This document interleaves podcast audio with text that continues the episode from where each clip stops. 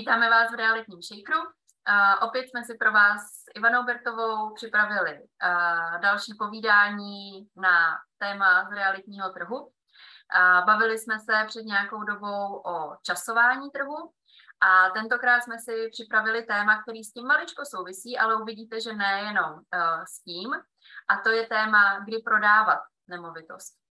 Uh, ahoj Evi, díky, že si takhle o tom můžeme popovídat. Ahoj Zuzi a všem ostatním. A pojďme se podívat teda uh, nejdřív na to téma, který souvisí právě s tím uh, minulým rozhovorem a to je prodej z hlediska trhu. Uh, kdy vlastně bys, bychom doporučili prodávat nemovitost, protože prostě k tomu situace na trhu tak nějak vybízí. Uh, víme o pár lidech, kteří prodali v době, kdy už si mysleli, že to je na vrcholu a pak nemovitosti vyrostly ještě na jednou tolik. Takže takhle by, my bychom určitě dopadnout úplně nechtěli. Zároveň vím, že uh, i vy ty si pár bytů uh, za poslední měsíce, rok, dva uh, prodala. Tak co tě k tomu vedlo? Tak u mě to byly především daňové důvody. Já o tom docela často mluvím, protože když investujete do nemovitostí dlouhodobě, a daníte ten příjem z pronájmu tak, jak máte, tak si zároveň v daňovém přiznání uplatňujete všechno, co máte. Jedna z důležitých věcí jsou odpisy. A ty odpisy vám po nějaké době, vzhledem k tomu, že nájmy rostou, eh, tak vám prostě přestanou stačit na to, aby eh, dobře optimalizovali, snižovali ten daňový základ. A tam pak skutečně dává smysl po nějaké době eh, ten byt prodat a koupit místo něj jiný. Teda v mém případě koupit místo něj jiný, to není o tom, že bych chtěla zmenšovat to portfolio, ale že v tom portfoliu dělám nějaké obměny.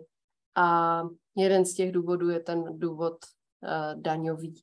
Ten, když tak můžu klidně rozebrat podrobněji. Ale když se vrátím ještě k tomu, co jsi říkala na začátku, tak uh, hodně lidí vede k těm prodejím právě ten trh. A my, když jsme se bavili o časování trhu, tak jsme o něm mluvili hlavně z pohledu, kdy nakupovat. Ale ono časování trhu je vlastně úplně stejné i u toho, kdy řešíš, kdy prodávat. A právě máme uh, hodně těch případů, kdy ti lidi říkají, to pořád roste, to pořád roste, to už spadne, tak prodám. A ono to pak ještě vyrostlo dalších 50, než kvůli 100%. Jo. Takže časování trhu je fakt jako těžké na obě strany.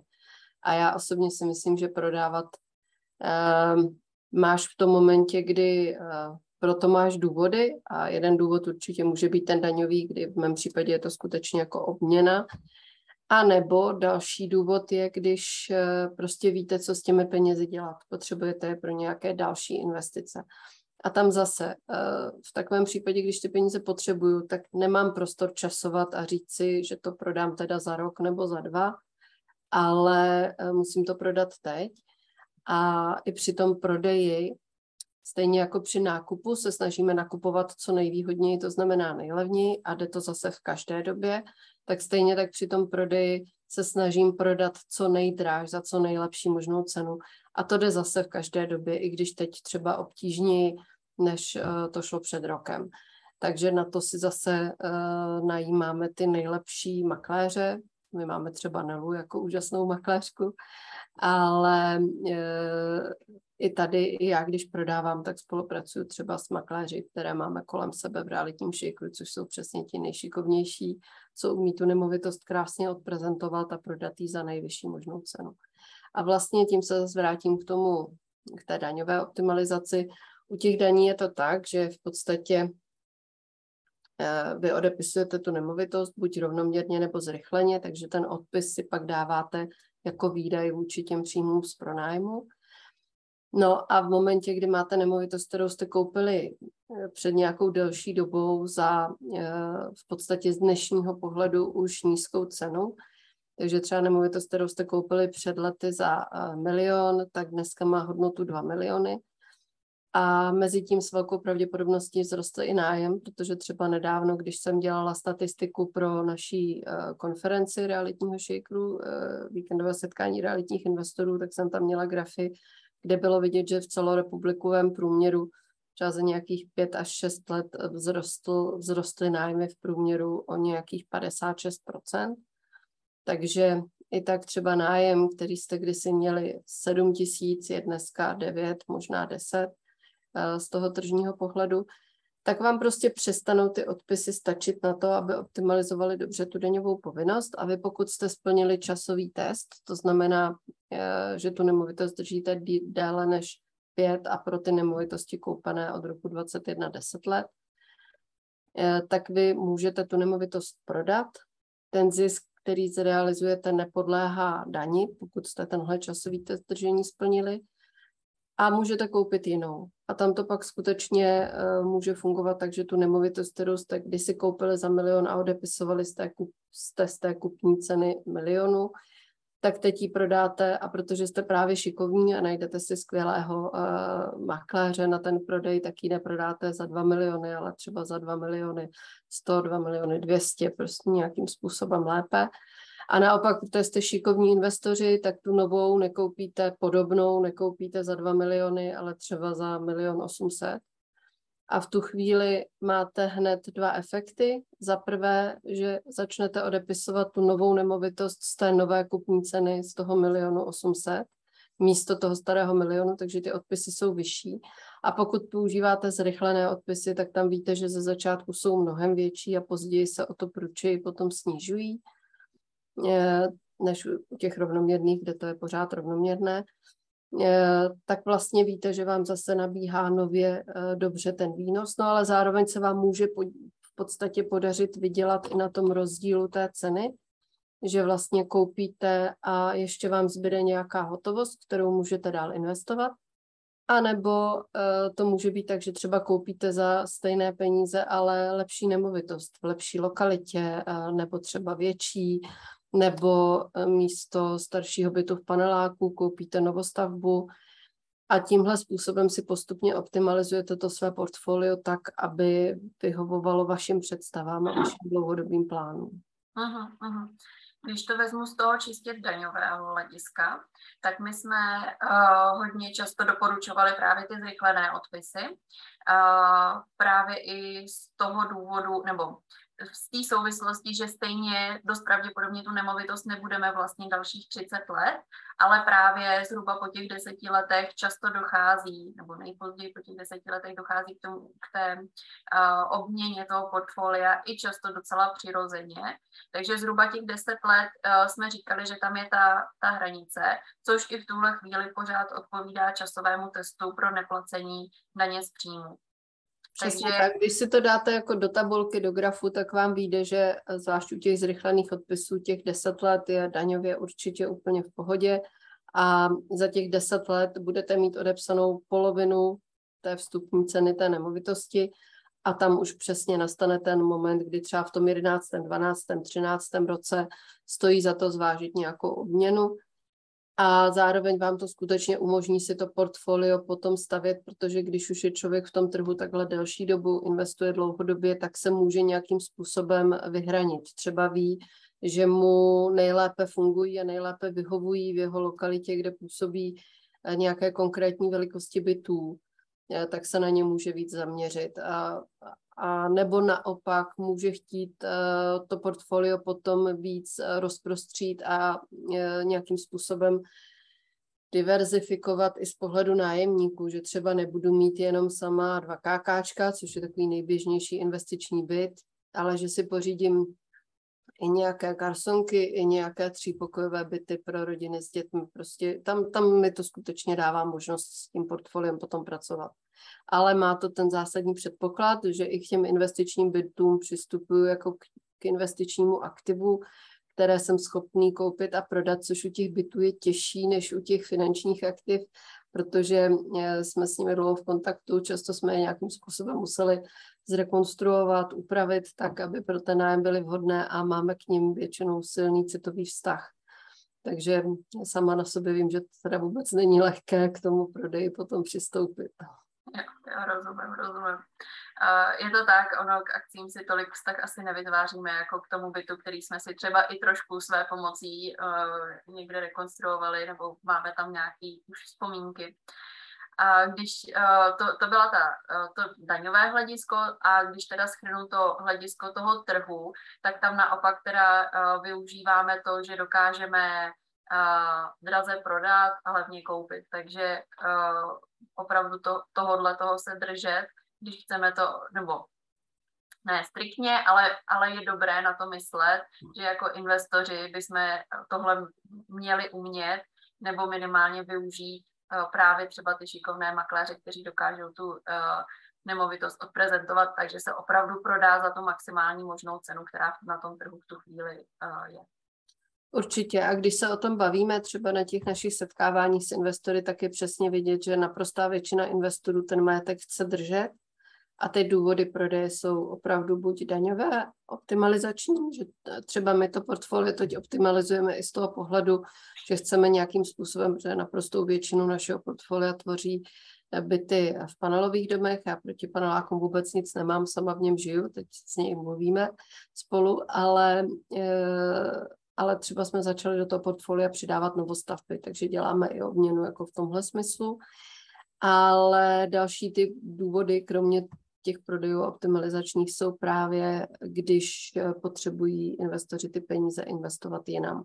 A může to být další nemovitostní investice, ale třeba většího charakteru, chtějí dělat nějaký development, koupit nějaký dům, dělat v něm rekonstrukci, rozdělit ho na bytové jednotky a podobně, tak v tu chvíli zrealizují třeba prodej nějakých jako dřív koupených bytů.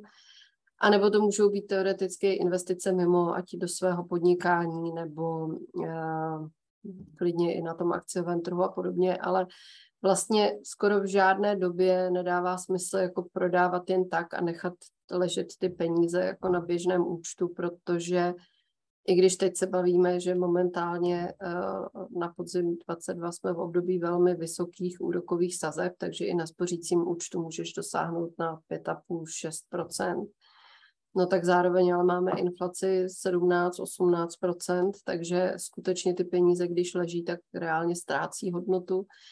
Z tohohle pohledu v podstatě paradoxně dřív, když inflace byla 3-4% na spořícím účtu nebylo nic, tak ji ztráceli pomaleji, než ji ztrácí teď.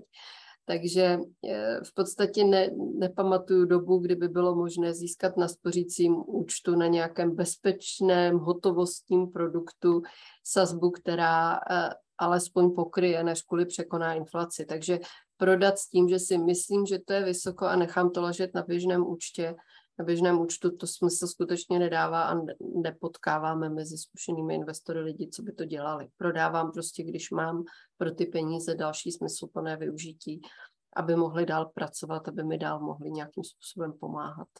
Uh-huh, uh-huh, super, super, krásný shrnutí. A já bych k tomu prodeji měla uh, ještě jeden bod, který se týká hypoték, uh, protože um, velmi často investoři financují hypotečními úvěry, nákupy, takže uh, ta nemovitost prodávaná dost pravděpodobně bude zatížená zástavním právem a bude na ní navázaná nějaká hypotéka.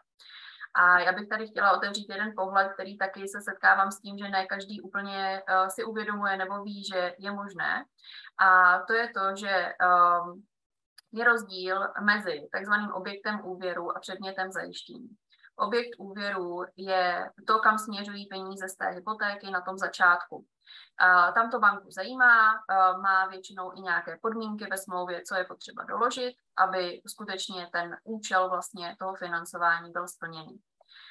A další věcí je pak předmět zajištění, to je to, čím vlastně ručíme uh, u té hypotéky a ne vždycky to nutně musí být ta stejná nemovitost, jako je ta kupovaná.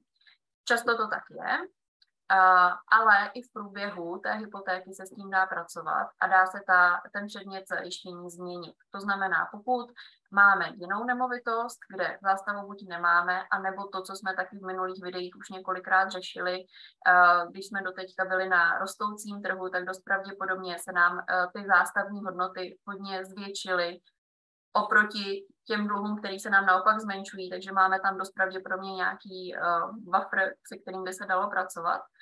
Takže uh, ta otázka toho, mám teď uh, na nemovitosti, kterou chci prodávat, hypotéku, kde je krásná úroková sazba 2%, zafixovaná na dalších pět let, tak přece za toho nebudu zbavovat, tak ano, je to naprosto logický. A u takové uh, nemovitosti nebo u takové hypotéky bych doporučovala se zamyslet, jestli je možné tam změnit zástavu na nějakou jinou, a tím pádem tu kterou chceme prodat, očistit, bude bez zástavy, hypotéku si v pohodě necháme a můžeme přesně pracovat uh, celou tou kupní cenou potom, kterou z toho prodeje dostaneme, tak ji můžeme použít a jak Ivče krásně schrnovala, na nějaký další účel, ať už kvůli obměně toho portfolia, takže nákup další nemovitosti, anebo třeba máme k tomu nějaký, uh, nějaký jiný účel.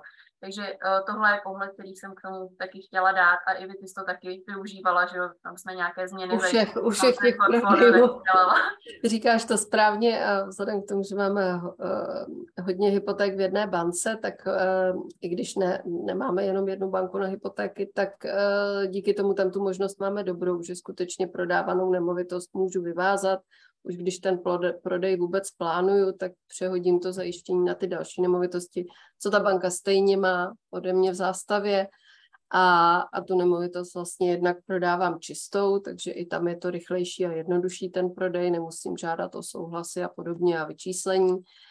A e, kromě toho si vlastně tu hotovost toho prodeje nechám celou a když jsem mluvila o té výměně, tak mám vlastně opravdu celou tu utrženou hotovost k dispozici na koupi třeba té další nemovitosti.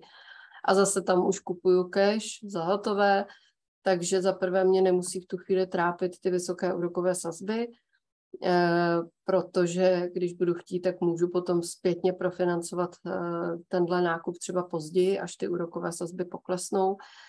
A kromě toho, eh, když nakupuju za hotové, tak téměř vždycky i na rostoucím, i na klesajícím trhu mám zase lepší podmínky, než někdo, kdo si bude ještě v průběhu té koupě vyřizovat hypotéku, takže mi to většinou umožní si ještě vyjednat třeba lepší eh, cenu nebo další lepší podmínky.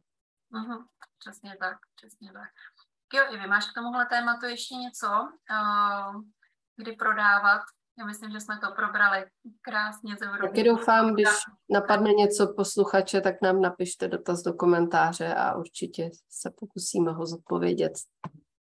Tak, díky moc Ivi za, uh, za rozhovor opět a posluchačům, divákům uh, Doufám, že se vám to líbilo. Budeme zase opět rádi za like. Eh, opakuju to pořád, ale ono, eh, algoritmy YouTube eh, jsou neúprosné, takže když nám dáte like, dostane se video k dalším lidem, což bychom rádi, protože právě pro vás ty videa takhle obsahová točíme.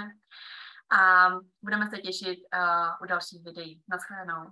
Naschledanou.